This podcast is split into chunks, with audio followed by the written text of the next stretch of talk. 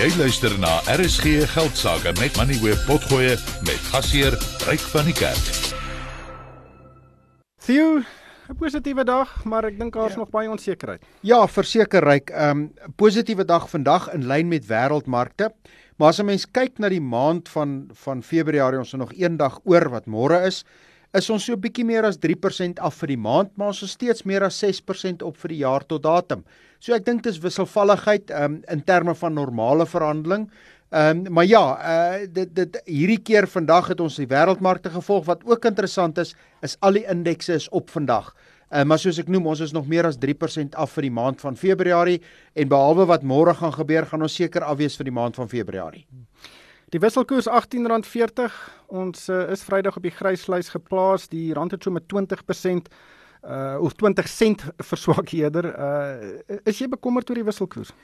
Uh ryk ons het as jy kyk na al die uh geld teen al die geldeenhede sedert die begin van die jaar.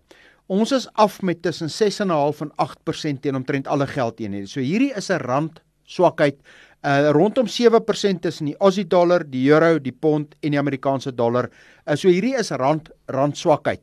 Uh en ek dink deel hiervan is gaan rondom die onsekerheid waarmee ons sit. Ek dink ons begin die effek sien van beerdkrag wat die moontlike effek daarvan kan wees op ekonomiese groei en dan natuurlik ek sit nie soveel rondom die gryslys per se nie. Ek dink eerder hierdie is 'n geval van die rand is besig om te verswak sedert die begin van die jaar en ons sien net daai verswakking wat voortduur.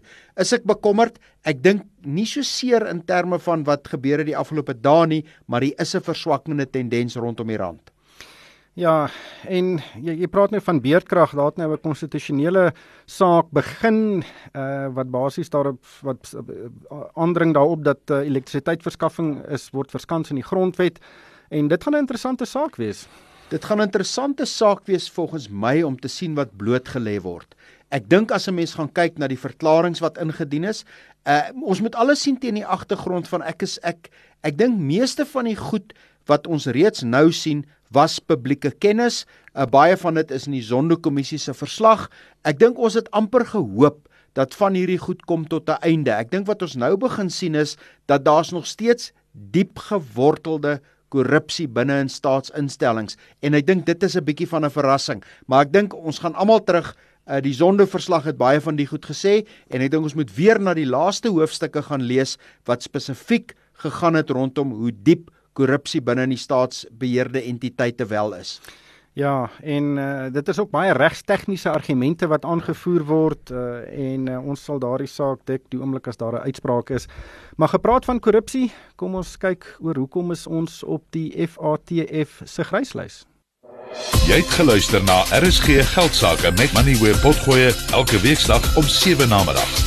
Vir meer Money where potgoe, besoek moneyweb.co.za of laai die toepassing af en volg Moneyweb News om dagliks op hoogte te bly.